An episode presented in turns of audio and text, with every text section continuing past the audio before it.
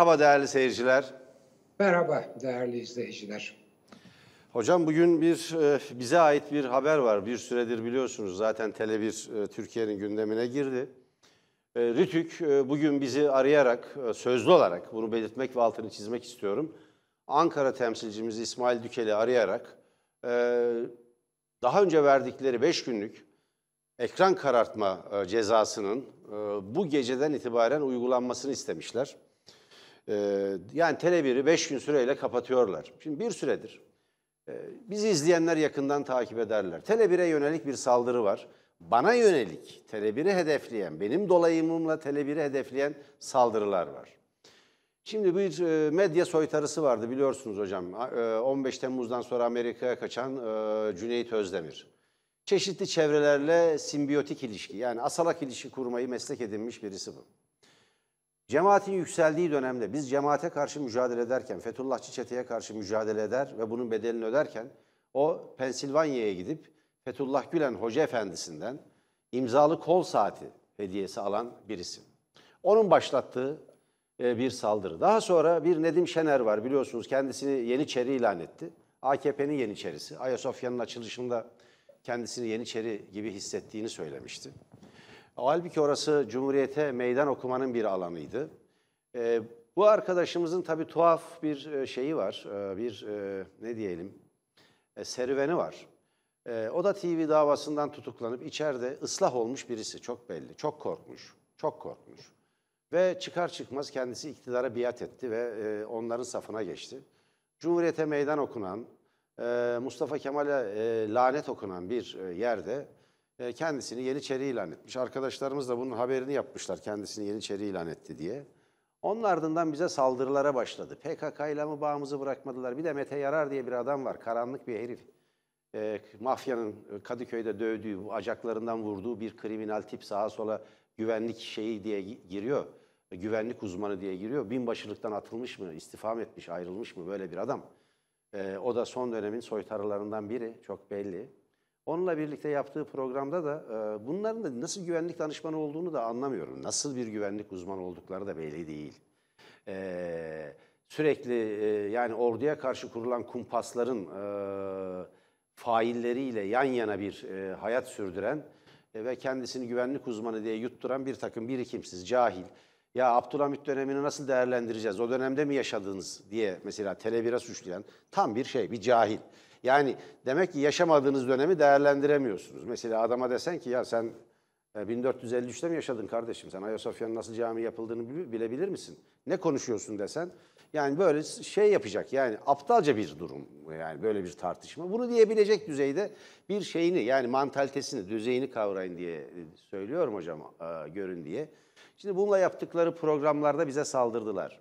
Ardından işte yurdun eski patronu e, bizi Fethullah Gülen çetesiyle ilişkilendirmeye kalktı. Düşünebiliyor musunuz? Yani Fethullahçı çeteyi Türkiye'de ilk teşhir eden, ona karşı mücadele eden, onun bütün e, e, saldırılarına maruz kalmış, bu nedenle tutuklanmış, hapis yatmış benim gibi bir adama kalkıyor böyle bir iftira atabiliyor. Şimdi bir dakika. Şimdi bu noktada müsaade eder misiniz? Ben bir, bir şey söylemek istiyorum. Siz gene devam edersiniz. Buyurun. Ama yani bunu mutlaka söylemeliyim. Şimdi e, ben tabii çok yakından izliyorum. E, size şahsen yapılan saldırıları da, Tele1'e yapılan saldırıları da izliyorum. E, bunların e, hemen hemen hepsini yapanların kimlikleri belli, nitelikleri de belli. Kuşkuyla karşılanacak olan saldırılar.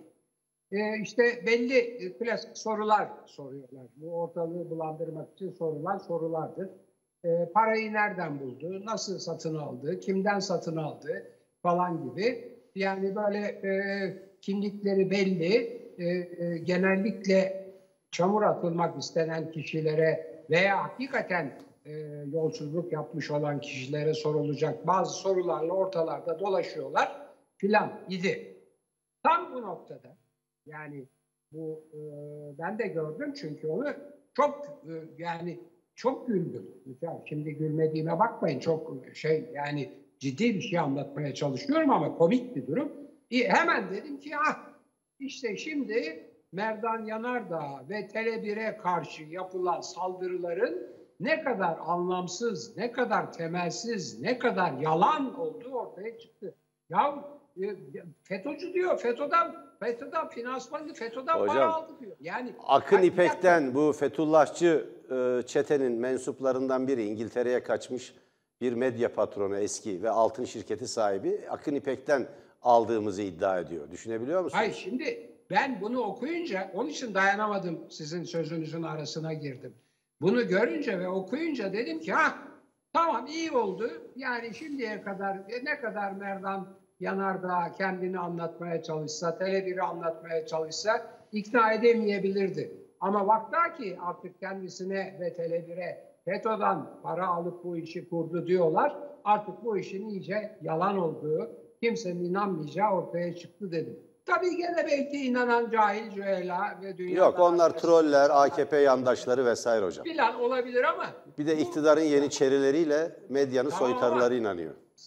Sayın Yanardağ bu iddia size ve Tele1'e karşı yürütülen kampanyanın ne kadar temelsiz ve ne kadar yalan olduğunun bir etiketi Tabii. halinde tarihe geçmiştir. Bunu belirteyim. Peki. Evet buyurun kusura bakmayın. Ee, devam edeyim hocam. Geçen hafta bu bütün bunlar nasıl başladı? Geçen hafta İçişleri Bakanı Sayın Süleyman Soylu Tele1'e suç duyurusunda bulunacaklarını açıkladı. İçişleri Bakanlığı'nın açıklamasında var. Ardından bunlar başladı ve gönüllü bir muhbir çıktı. Muhbirliğin ne kadar aşağılık bir suç olduğunu bizim dünyayı bilenler bilir. Şimdi bir resmi muhbirlikten söz etmiyoruz. Bir çıkar karşılığı yalan ve iftiraya dayalı bir muhbirlik, bir jurnal söz konusu. E, bu adam da bu muhbirliğe soyundu. Tabii ki bunların hiçbiri tutmadı. Tümünü püskürttük. Tümünü püskürttük. Tümünü püskürttük. Çok açık bir şekilde. Ne artık o Cüneyt e, Özdemir denilen e, FETÖ artı e, medya soytarısı, ne iktidarın yeni e, yeniçerisi, iktidarın yeniçerisi, e, yeni e, iktidar evetçisi e, Nedim Şener bu ülkede artık eskisi gibi gazetecilik yapamayacaklar. Meydan boş değil çünkü. Bağımsız, özgür ve kimlikli, kişilikli halktan, toplumdan ve Türkiye'den yana gazetecilik yapanlar var çünkü. Ama bir işaretle bunlar harekete geçtiler ve bir tane de muhbir var işte bir e, çalışanların emeklerini çalmış bir emek hırsızı. Ciddiye alınacak birisi değil, bir zavallı aslında. Ya Bir de böyle bir muhbir var. Yani ihbar ediyor iktidara. Bak, fırsat buluyor. Bak işte e, bunların kaynağı belirsiz diyor. Kaynağımızı açıkladık hocam. Çok net bir şekilde açıkladık. Sosyal medyada açıkladık. internet sitemizde açıkladık. Ve izleyicilerimiz açıkladı. Tele1'in arkasında kimin olduğunu merak ediyorlar. Tele1'in arkasında halk var. Peki sizin arkanızda kim var?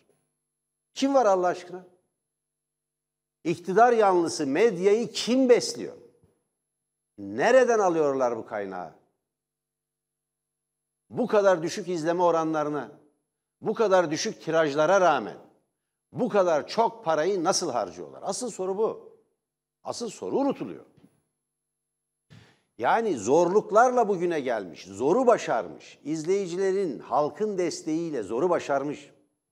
Artık bütün çalışanlarının düzenli ücretlerini aldığı, piyasa borçlarını ödemiş, piyasadaki ödemelerini sektirmeden tıkır tıkır yapan bir televizyon kanalı kurmak ve arkasında büyük sermaye güçlerinin ve iktidarın bulunduğu televizyon kanallarından daha fazla reyting almak, daha fazla izlenmek onların hazmedebileceği bir şey değildi. Biz çünkü kral çıplak diye, durun bakalım gerçek bu diye, karartılan haberi ve bilgiyi açığa çıkaran ve toplumla paylaşan bir televizyon kanalıydık. Kanalıyız. Koronavirüs salgınında bile ya rakamlar gerçek değil, siz gerçeği söylemiyorsunuz dediğimiz için bize biliyorsunuz bir gün kapatma cezası verilmişti.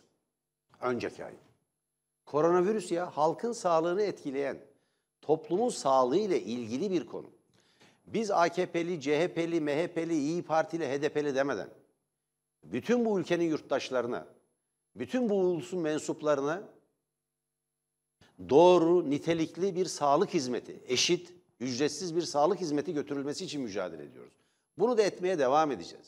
Tam burada işte RÜTÜK yürütmeyi durdurma kararı aldığımız halde ve bir yürütme kurulu e, yürütmeyi durdurma kararı daha bulunduğu halde birincisi iptal edildi, ikincisi yani İlhan Taşçı ve diğer Rütük e, üyesi iki kişi biliyorsunuz e, Okan, Okan Okan. Konuralp, İlhan Taşçı ve Okan Konuralp kişisel olarak başvurup yürütmenin durdurulması kararı aldılar, aldırdılar. O karar hala ortada olmasına rağmen Rütük bugün arayıp e, televizyonu e, bu akşamdan itibaren kapatın yoksa lisansınızı iptal ederiz Ama de nasıl olur? Yani yargı kararına rağmen mi bunu yapıyorlar? yargı kararına rağmen değil hocam. Bir tane yürütmenin durdurulma kararının iptalini sağlamışlar. Ama bir yürütmenin durdurulması kararı daha var. Diyorlar ki şimdi her ikisine de aynı mahkeme bakacak. Dolayısıyla bunlar birleştirilmiş demektir. Ee, mahkemenin verdiği ilk verdiği karar geçerlidir diye bir yorum yapıyorlar. Ve bize yapılmış bir tebligatta yok. Şimdi şuraya geleceğim hocam. Tamamlayacağım, çok uzatmayacağım. Evet, evet, evet. Birileri istedikleri yerlerine kına yakabilirler. Beş gün boyunca Türkiye Tele1'in olmadığı bir Türkiye olacak. Tele1'in yayın yapmadığı bir Türkiye olacak değerli seyirciler. Beş gün boyunca Tele1'in yayın yapmadığı bir Türkiye'nin nasıl olduğuna bakın lütfen. Nasıl olduğuna bakın. O muhbir de çok sevinebilir bunun için. Çünkü o iktidarın yeniçerisi de çok sevinebilir. O Fethullah Gülen'den kol saat alan medya, medya soytarısı da çok sevinebilir. Hani Sayın Süleyman Soylu'nun sevinip sevinmeyeceğini bilmiyoruz İçişleri Bakanı'nın. Çünkü onun talimatıyla bunların yapıldığı e, belli. Yani o talimat veren tarafta. Yani e, bu kapatma kararını savunan tarafta o belli. Rütü'nün cezasını bu gece yasal süreç yani hukuki süreç tamamlanmadan uygulayacaklar. Uygulamayı bize bildirdiler. Biz de uygulayacağız. Biz kurallara, hukuka, yasaya saygılıyız. Bu hukuk dışı bunu biliyoruz. Ama bu hesapları mahkemelerde göreceğiz biz. Bu hesap mahşere kalmayacak. Herkes bu hesabı verecek, bir biçimde verecek. Rütük üyeleri hakkında, bu kararın altında imzası olan üyeleri hakkında biz dava açacağız. Görevi kötüye kullanmaktan dolayı dava açacağız. Ve bir şey daha söyleyeceğim. Bir şey daha söyleyeceğim. Bu bir operasyon. Çünkü medya ortamında kontrol edemedikleri, bağımsız ve hiçbir biçimde satın alamayacakları tek bir yayın organı vardı televizyon ortamında. Tele1'di o. Korkutamayacakları tek televizyon kanalı vardı. O Tele1'di. Onu gayet iyi biliyorlar. Bizi korkutamadılar. Biz yılmadık, boyun eğmedik, susmadık. Hiçbir tehdide prim vermedik. Bunu biliyorlardı. Bunu bildikleri için medya ortamını yeniden düzenlemeye çalışıyorlar. Şimdi düşünün hocam. Fox TV'den Fatih Portakal gitti. Kim geldi? Sayın Erdoğan uçağından inmeyen bir gazeteciyi getirdiler, bir televizyoncuyu. O arkadaşa da hani ön yargılı da olmak istemiyorum. Hiç kimseye ön yargılı olmak istemiyorum. Ama belli ki Fatih Portakal'ın zaten e, yaz arası, yaz tatilini o kadar uzattılar ki galiba işten çıkaracaklar diye düşünmeye başlamıştık. Sonunda Fatih Portakal anladı ve galiba daha fazla devam edemeyeceğini gördü. Veyahut istifası istendi. Veyahut bir anlaşmalı istifa yapıldı ama her ne olursa olsun sonuçta Fox TV'nin sadece sadece iktidara mali bakımdan bağımlı olmadığı için görece tarafsız, görece bağımsız haber yaptıkları için objektif bakımdan muhalefet alanında e, bulunmaları nedeniyle bu baskı yapıldı. Yoksa Murdoch ve Fox TV Amerika Birleşik Devletleri'nde Trump'ı destekliyorlar. Evet, Mur- Murdoch'tan gitti biliyorsunuz. Walt Disney Evet, şimdi. Evet. sahibi. Kuruluşundan itibaren muhafazakar çizgidedir. Evet, Onu evet. anlatmaya çalışıyorum. Ve Fox grubu Amerika'da muhafazakarlardan o Bible Belt denilen, İncil kuşağı denilen e, güney eyaletlerindeki izleyiciye hitap eden muhafazakar bir yayın grubudur. Trump'ı destekler, Bush'u destekler vesaire. Türkiye'de bir Amerikan sermayesiyle kurulan televizyon kanalı olduğu için satın aldılar ve kurdular. TGRT'yi satın alarak kurdular biliyorsunuz hocam. Adını değiştirdiler. Yani iktidara ve buradaki piyasaya çok bağımlı olmadıkları için görece tarafsız haber yapılıyor, yapılıyordu. Ve bunu da iyi yapıyorlardı. Fatih Portakal benim bir takım eleştirilerim olmasına rağmen bunu iyi yapan arkadaşlarımızdan biriydi. Sabahları İsmail Küçükkaya umarım yerinde kalır. Umarım yayınlarına devam eder. İyi bir yayıncılık yapmaya, en azından bağımsız bir yayıncılık yapmaya çalışıyordu. Fox'a bir operasyon yaptılar. Ardından yani Sözcü gazetesinde bizim dostlarımız var orada. Yani tuhaf tuhaf işler oluyor. Mesela dün veya önceki gün 30 Ağustos işte bu diye bir manşet, e, bir fotoğraf yani e, şeyin e, sarayın üzerinde bir Atatürk silüeti çizilmiş e, İHA'lar tarafından. Yani e, bunu büyük bir gelişme, büyük bir değişme gibi sundu. Yani bir süredir televizyonu kurulmak isteniyor, kurulamıyor vesaire filan. Yani orada bir takım iyi işaretler görmüyoruz. Umarız yanılıyoruz. Burada bir gelişme var işte. Yani o alanda bir gelişme var ve e, susturamadıkları, teslim alamadıkları medya alanına yönelmeye ve oraya bir operasyon Evet. yapmaya hazırlandılar. Tele1'e Evet. yönelik baskıların da dedikoduların da nedeni bu. Bu hikayeyi şu nedenle anlattım. E, sözcü konusunda çok temkinli bir dil kullanıyorum. Yani e, bunu seyircilerimiz, bizi izleyenler lütfen dikkat etsinler. Fakat çok ağır bir baskı var. Sahibi Burak Bey, e, yani Burak Akbay hakkında ceza verilmiş yurt dışında ve Türkiye'ye bu nedenle gelemiyor. Babasının cenazesine katılamadı. Çok acı Evet. ve çok vahşi, çok e, ne diyelim, e, çok kıyıcı bir karar var. E, Emin Çolaşan gibi yazarlarına, Necati Doğru gibi yazarlarına ceza verdiler. Çok ağır bir baskı var. Bu baskı nedeniyle televizyonu bir türlü devreye sokamıyorlar ama televizyonu galiba bir merkez medya formatında devreye sokacaklar. Ee, yani yayınlarında hissettiğimiz bir takım gelişmeler var. Bu nedenle Tele1'e yönelik baskı medyanın e, genel olarak yeniden düzenlenmesi operasyonunun en önemli etabı ve en önemli parçasıdır. Eğer Tele1 susturulursa emin olun bu bir reklam sloganı değildir.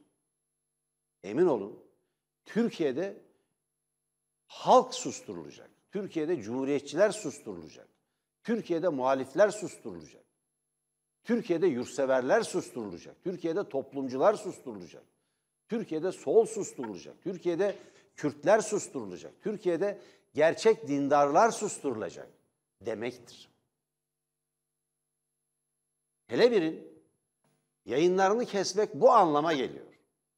Bizi teslim alamadıkları için, bize boyun eğdiremedikleri için, korkmadığımız için, korkmadığımız için. Türkiye'de İstiklal Marşı'nın korkma diye başladığını bilirsiniz hocam. Herkes bilir. Önemlidir o. Çünkü bu milletimizin, bu milletin büyük kahramanlıkları vardır ama çoğu kez bu millet kendi iktidarlarından, kendi eee, sultanlarından, padişahlarından, kendi egemenlerinden korkar. Evet, evet. Düşmandan korkmaz, düşmandan korkmaz ama kendi egemenlerinden korkar. İstiklal Marşı'nın ilk mısrası o yüzden korkma diye başlar. Bilir e, Büyük Akif, Mehmet Akif Ersoy e, bu milletin böyle bir özelliğinin olduğunu, padişahtan, sultandan korkmamaları için yazmıştır o ilk mısrayı. Öyle başlar. Çünkü Kurtuluş Savaşı sadece düşmanla bir savaş değil, sizin de çok isabetle ve sık sık tekrarladığınız gibi hocam, esas olarak bir din tarım devleti olan, toplumu olan Osmanlı'ya, Osmanlı saltanatına, Osmanlı eee, düzenine karşı bir isyan ve bir devrimdir. Aynı zamanda orta çağdan çıkarma çabasıdır toplumun. O bakımdan biz buna, biz korkmadığımız, boyun eğmediğimiz, gerçeğin peşinden koşmakta ısrar ettiğimiz için bizim mottomuz gerçektir. Sadece gerçek. Sadece gerçek. Önüne ve arkasına bir şey koymuyoruz. Sadece gerçek. Gerçeğin peşinden koşmakta ısrar ettiğimiz için Rütük bu kapatma kararını verdi. Bize son günlerde yapılan saldırılar değerli seyirciler. Anladınız mı neden? İşte bu yüzden. Rütük hemen tebligat yaptı. Bunlar susmuyor diye. Bizi Tele1 ekranlarını 5 gün karartma kararının hemen uygulanmasını istediler. Biz 5 gün sonra burada olacağız değerli seyirciler. Salı günü buradayız. Salı akşamı yine burada olacağız. 18 dakikayı yapacağız emin olun. Bu mücadeleyi sürdüreceğiz. Hocam uzattım çok özür dilerim. Gündemde diğer maddeler de var. Buyurun. Bu arada koronavirüsten bugün 45 kişi yaşamını yitirmiş. Sayıdaki yükselişe bakar mısınız hocam? Felaket, felaket. Şimdi bakın. Vaka sayısı 1596. Evet, evet. Onu herkes farkında. İkinci bir zirve geldi. Şimdi e, ben değerli izleyicilere bu e, Tele1'e yapılan, sizin şahsınızda dahil olmak kaydıyla saldırının e, çok temeldeki yapısını işaret etmek istiyorum. Bu çünkü böyle e, geçiştirilecek bir olay değil. Yani Rütük'teki Rütük Başkanı'nın veya bir iki e, üyenin e, Tele1'e kızgınlığıyla veya Cumhurbaşkanı'nın etrafındaki birkaç memur e, talimatıyla şunların bir e, canına okuyun bakayım bir hadlerini bildirin filan olacak bir e, yapı değil. Bu bir sürecin sonucu. Şimdi şöyle bir şey var. Önce genel ilkeyi koyalım. Ben bunu en başta söyledim. E, bütün e, totaliter ve otoriter eğilimli iktidarlar giderken daha baskıcı olurlar. Daha baskıcı oldukça daha hızlı giderler. Ben bunu ta bu bir, birkaç yıldır neredeyse yani bu e, sansür ve baskı süreçleri artalı gazetecilerin hapsedilmesi olayı daha yoğunlaşalı beri söylüyorum. AKP taban kaybettikçe, güç kaybettikçe baskıyı arttırıyor. Maalesef baskıyı arttırdıkça daha çok güç kaybediyor. Daha çok güç Hocam başka bir cihaz açık mı acaba? Sesiniz bir yankı yapıyor, boğulur gibi oluyor. Hayır hiçbir cihaz açık değil. Burası tam sessizlik. Tamam hocam. Ee, ben belki e, hoparlöre biraz uzak konuşuyor olabilirim. Peki hocam. Evet. Buyurun hocam devam edin lütfen. Evet. Şimdi bu çerçevede AKP e, gidiyor ve AKP'nin gidişinin Erdoğan AKP iktidarının gidişinin önlenmesi mümkün değil. Nasıl gidiyor? Nasıl gidecek? Nasıl geldiyse öyle gidecek. Bakın şimdi değerli izleyicilerimize bu e, Tele1'e ve size yapılan olayın e, bir son çırpınış ve gide, gidişi durdurmak üzere yapılan son baskılar çerçevesinde oluştuğunu söyleyeyim. Burada bir küçük dipnot daha koyayım. Maalesef tarafsız kalmaya çalışanları, gerçeklere bağlı kalmaya çalışanları bu tür iktidarlar gider ayak daha çok korkuturlar. Ve o insanlar, o kurumlar, bazıları kurumdur, bazıları insandır, gider ayak bu iktidarları bu kadar şiddetle baskısından korkarak son anda ihtida ediverirler, taraf değiştiriverirler. Yani bir noktaya kadar direnmişlerdir fakat bakmışlardır ki artık ya bu yapılacak bir şey yok. O kadar sertleşti ki biz de telef olacağız bari şuna biz de katılalım deyip biat etmişlerdir. Ama çok kısa bir süre sonra o iktidar gitmiştir. Aynen AKP'nin önümüzdeki ilk seçimlerde gideceği gibi. Şimdi halk getirdi seçimle nasıl gideceğini anlatıyorum. Halk getirdi, halk götürecek. Seçimle geldi, seçimle gidecek. Şimdi bu iş yöntem. Peki bu yöntem yani halkın getirdiği bir iktidarı halk neden götürdü? Çok basit. Politikalarına bakacaksınız. Şimdi e, bu Tele1 olayı, Merdan Yanardağ olayı, Rütük olayı tam bu çerçevede konuşulacak şey. Nasıl geldi? Hangi politikalarla geldi? Ben 8 tane e, genel politika tespit ettim. Çok hızlı söyleyeyim. Buyurun. Temel hak ve özgürlükleri genişleteceğiz diye geldi. Birincisi. Yani 2002 öncesi bir, bir yıl önce kuruldu ya, kuruldu ne söyledi ve nasıl halk bunu niye getirdi? Temel hak ve özgürlükleri geliştirmek için getirdi. Demokratik kurum ve kuralları tam anlamıyla işleteceğiz ve iktidarı hesap verebilir hale getireceğiz diye geldi. Hukuk devletini geliştireceğiz. Üstünlerin hukuku değil, hukukun üstünlüğünü kabul ettireceğiz diye geldi. Bir de öyle, bir de öyle fiyakalı laflar vardı evet. Evet, yolsuzlukla mücadele edeceğiz hukuk devletiyle diye geldi.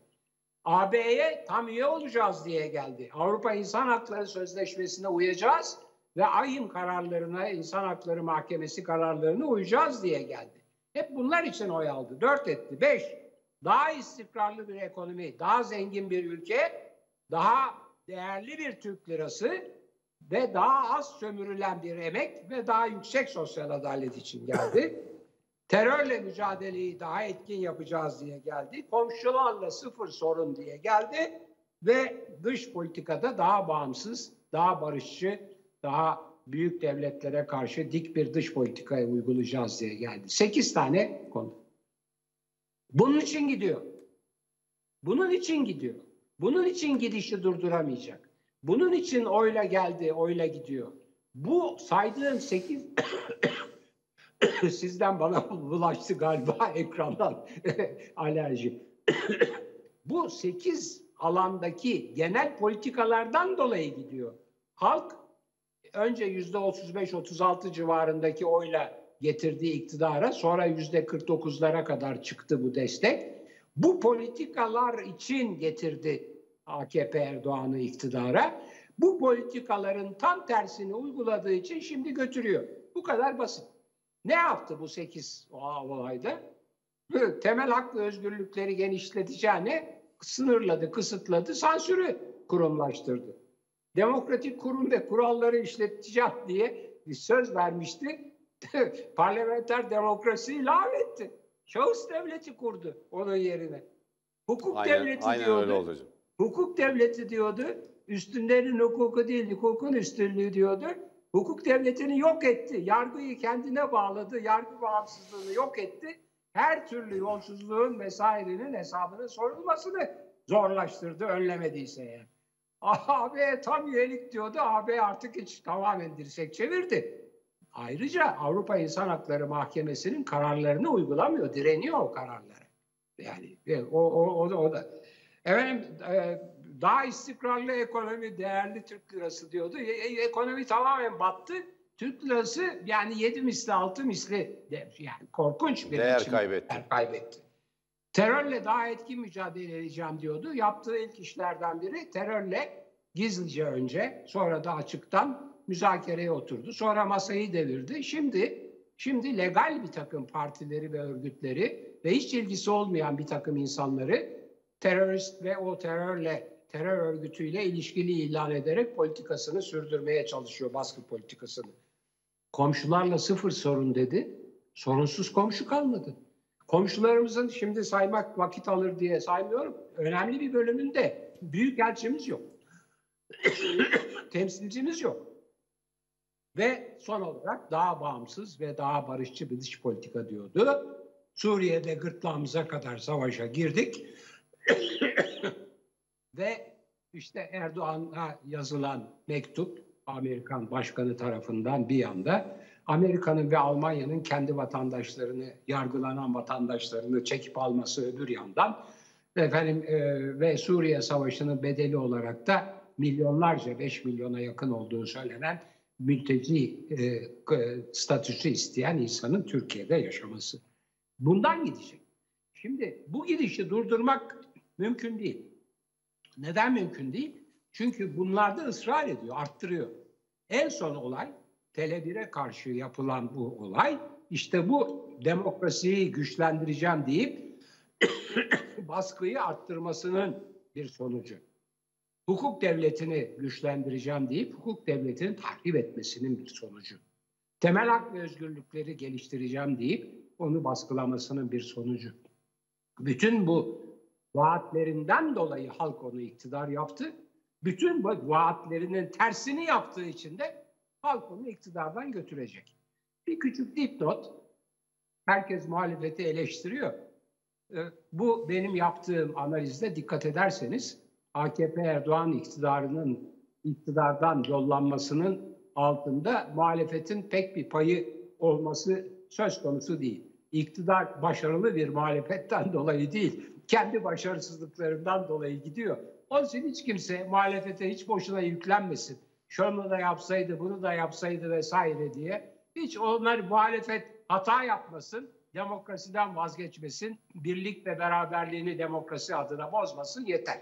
Çünkü iktidar bu saydığım 8 maddedeki tam tersine izlediği politikalardan dolayı gidiyor. Tele1'e verilen ceza da bunun bir göstergesidir. Buna bakıp da ya bize de bir şeyler olacak, biz de ihtida edelim filan diye olsun. Hocam öncelikle geçmiş olsun öksürüğünüze dikkat edin. Ee, sağlığınıza dikkat edin. Bize e, lazımsınız. Vallahi birdenbire başladı. Ben de ben de kaygılandım çünkü kuru öksürük Bu mendebur virüsün belirtilerinden biri. Bazen olabiliyor hocam. Hocam biz bu krizi aşacağız. Bütün Tabii, tabii, krizlerden Türkiye olduğu aşacak gibi. canım. Onun için anlattım. Evet, bu olayı tabii. onun için Biz- geneline koydum tabii, ki anlaşılsın. Bu bize özgü değil. Tabii. Biz bu krizi aşacağız. Biz bu krizi aşacağız. Tele1'e yönelik özel saldırıları da aşacağız. Bundan herkes eşit ola- e, emin olabilir. Şunu yapacağız. Biz bu biz bu saldırılardan güçlenerek çıkacağız. Bunu herkes görecek. Türkiye'de bağımsız gazeteciliğin insanlara ekmek su gibi, hava gibi gerekli olduğunu insanlar anladılar. Onu gördüler.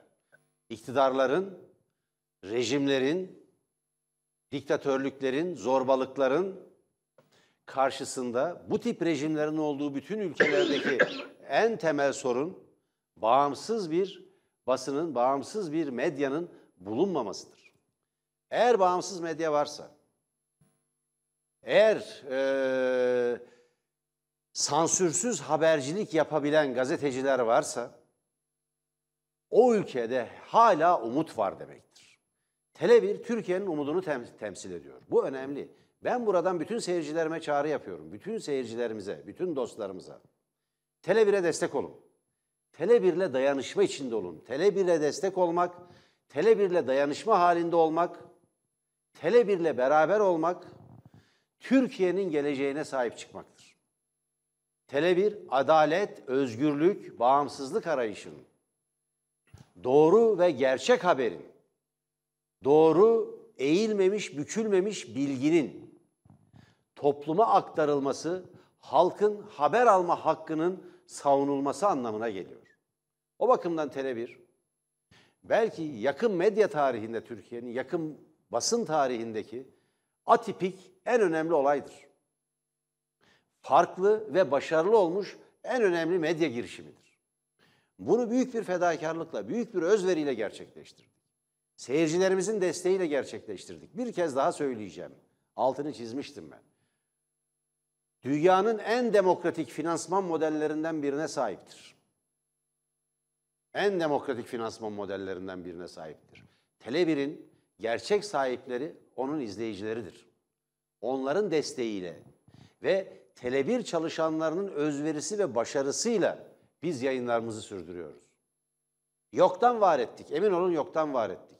Yaşamlarında her şeyi para olarak gören ve parasız hiçbir şey yapmamış olanların hep bir patron ve efendi arayışı içinde olanların anlayamayacağı bir şeydir bu. Anlayamayacağı bir durum, anlayamayacakları bir başarıdır bu. Hazmedemedikleri, kabullenemedikleri bu. Tele1 oyunu bozuyor çünkü. Yeniden düzenlemeye çalıştıkları medya ortamında oyunu bozuyor. Yeniden düzenlemeye çalıştıkları siyaset ortamında oyunu bozuyor. Ve bu milletin, halkın, yoksulların, emekçilerin hakkını ve hukukunu savunuyor. Mazlumların hakkını ve hukukunu savunuyor. Diyarbakır'daki hacı amca, bir bakkal, bizi yayınlarımızdan sonra arar. Genellikle Murat Taylan arar.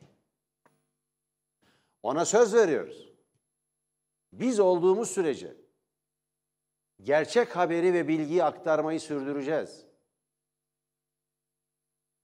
Türkiye'nin en çok oy almış üçüncü partisinin açıklamalarını yayınlamaktan korkan, grup toplantılarını bile yayınlayamayan televizyonlar, gazeteler ne gazetedir ne televizyondur.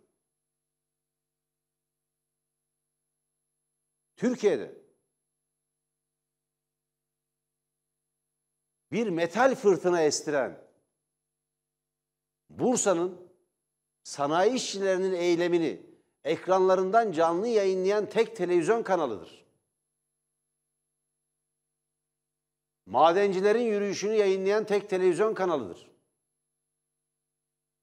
Dostlarımız var. Halk TV, KRT, evet onlar da yapıyor. Ama Tele1'in ayrıca bir özelliği var. Bunun altını çizmek lazım. O bakımdan Tele1'e sahip çıkmak bu halk, bu ülkenin hakkına ve hukukuna sahip çıkmak anlamına geliyor. Bu bir namus mücadelesi. Gazetecilik onurunu koruma mücadelesi. Ben hep anlattım. Hocam Hegel'in bir sözü vardır. Her çağın Kendine özgü bir felsefesi vardır der. Ama felsefe önceden gelir. Önceden onu haber alırsınız. Fikirler değişir. Yani önce Rönesans gelir, daha sonra aydınlanma sanayi devrimidir. Önce fikirler gelir. Tevrat'ta yazıldığı gibi önce söz vardır. Önce söz vardır. Kutsal kitaplarda yazıldığı gibi. Bize yapılan saldırılardan önce de yine bu anlayış, bu operasyonun işaretleri verildi. Tele 1'de ayağa düşen, ayak altında kalan, teslim olan, Abdülhamit'e teslim olmadığı halde bu rejime, bu ülkede saray rejimine teslim olan medya ortamına itiraz etmek için doğdu. Onun arkasında bir felsefe vardı. Biz o felsefeyi anlattık. Yıllarca o tartışmayı yaptık. Bağımsız gazeteciliğin insanlara hava su kadar, ekmek su kadar gerekli olduğunu, nefes almalarını sağlayacağını anlatmaya çalıştık. Tele1'den Evet. kimsenin korkmasına gerek yok. Tele1 herkesin hakkını, hukukunu savunur. Tele1'in düşmanlarının bile hakkını, hukukunu savunduğumuzu siz biliyorsunuz hocam. Tabii tabii. Şimdi isterseniz bu e, e, yasak öncesi son programda bir de şu e, iki virüsten politiko virüsü konuştuk. Bizi çarptı. Biz politiko virüse yakalanmış görünüyoruz bu hesapta. E, beş günlük e, e, kapatma cezası bir ciddi e, politiko virüs hastalığı olarak bize bulaştı. Koronavirüse bakalım bir zirve görünüyor. E, maalesef artan vefatlar daha önemlisi. Sağlık Bakanı ikinci pik diyor. Yani Evet, kaybettiğimiz evet, canlar ve vaka sayısı artıyor diyor. Nihayet kabul etti. Esas orada şuna bakmak lazım. Onu değerli izleyicilere hatırlatalım. Ee, yeni vaka sayısının e, sayısı iyileşen vaka sayısından daha yüksekse işler kötüdür. Eğer makas açılıyorsa yani her gün iyileşenden çok daha fazla insan yeniden hasta oluyorsa o makas her gün açılıyorsa işler çok kötüye gidiyordur. Maalesef bu makas bir ara kapandı. İyileşenle yeni hasta sayısı hatta eşitlendi. İyileşen daha çok gibi oldu. Tekrar yeni hasta sayısı çıktı. Bunda maalesef Ayasofya'nın da etkisi var. Şimdi inşallah inşallah yanılıyorumdur. Bu Giresun Giresun'daki kendiliğinden oluştuğu iddia edilen miting ve oradaki çay dağıtımının filan da etkisi e, bu ikinci zirvenin daha da hızlı e, bir biçimde hayatımıza 30 girmesi- Ağustos'u yasaklamışlardı hocam biliyorsunuz koronavirüs gerekçesiyle. Ertesi Evet, gün işte- gidip Giresun'da miting yaptılar. Bu virüs böyle ilginç bir virüs değil mi? İlginç, çok Ee, ilginç. Evet, politiko- AKP mitinglerinde etkili değil mi virüs? Bulaşmaktan vazgeçiyor. Evet, Ee, enteresan. Oraya bulaşmayayım diyor. Tiyatrolarda, tiyatrolarda var, muhalif tiyatrolarda var ama e, muafık miting alanlarında çalışmıyor. Yok. İlginç bir virüs. E, belki o da bir AKP'lidir. 30 Ağustos'ta var evet. Virüs Evet, AKP'li galiba. Herhalde, herhalde. Yani öyle anlaşılıyor. Ne diyelim? Salı akşamı buluşacağız. Evet. Değerli seyirciler, Tele1'e desteğinizi esirgemeyin. Tele1'e destek verin. Birlikte bu karanlığı dağıtalım. Hoşçakalın. Hoşça kalın. Bizden desteğinizi esirgemeyeceğinize ben eminim. Eminim.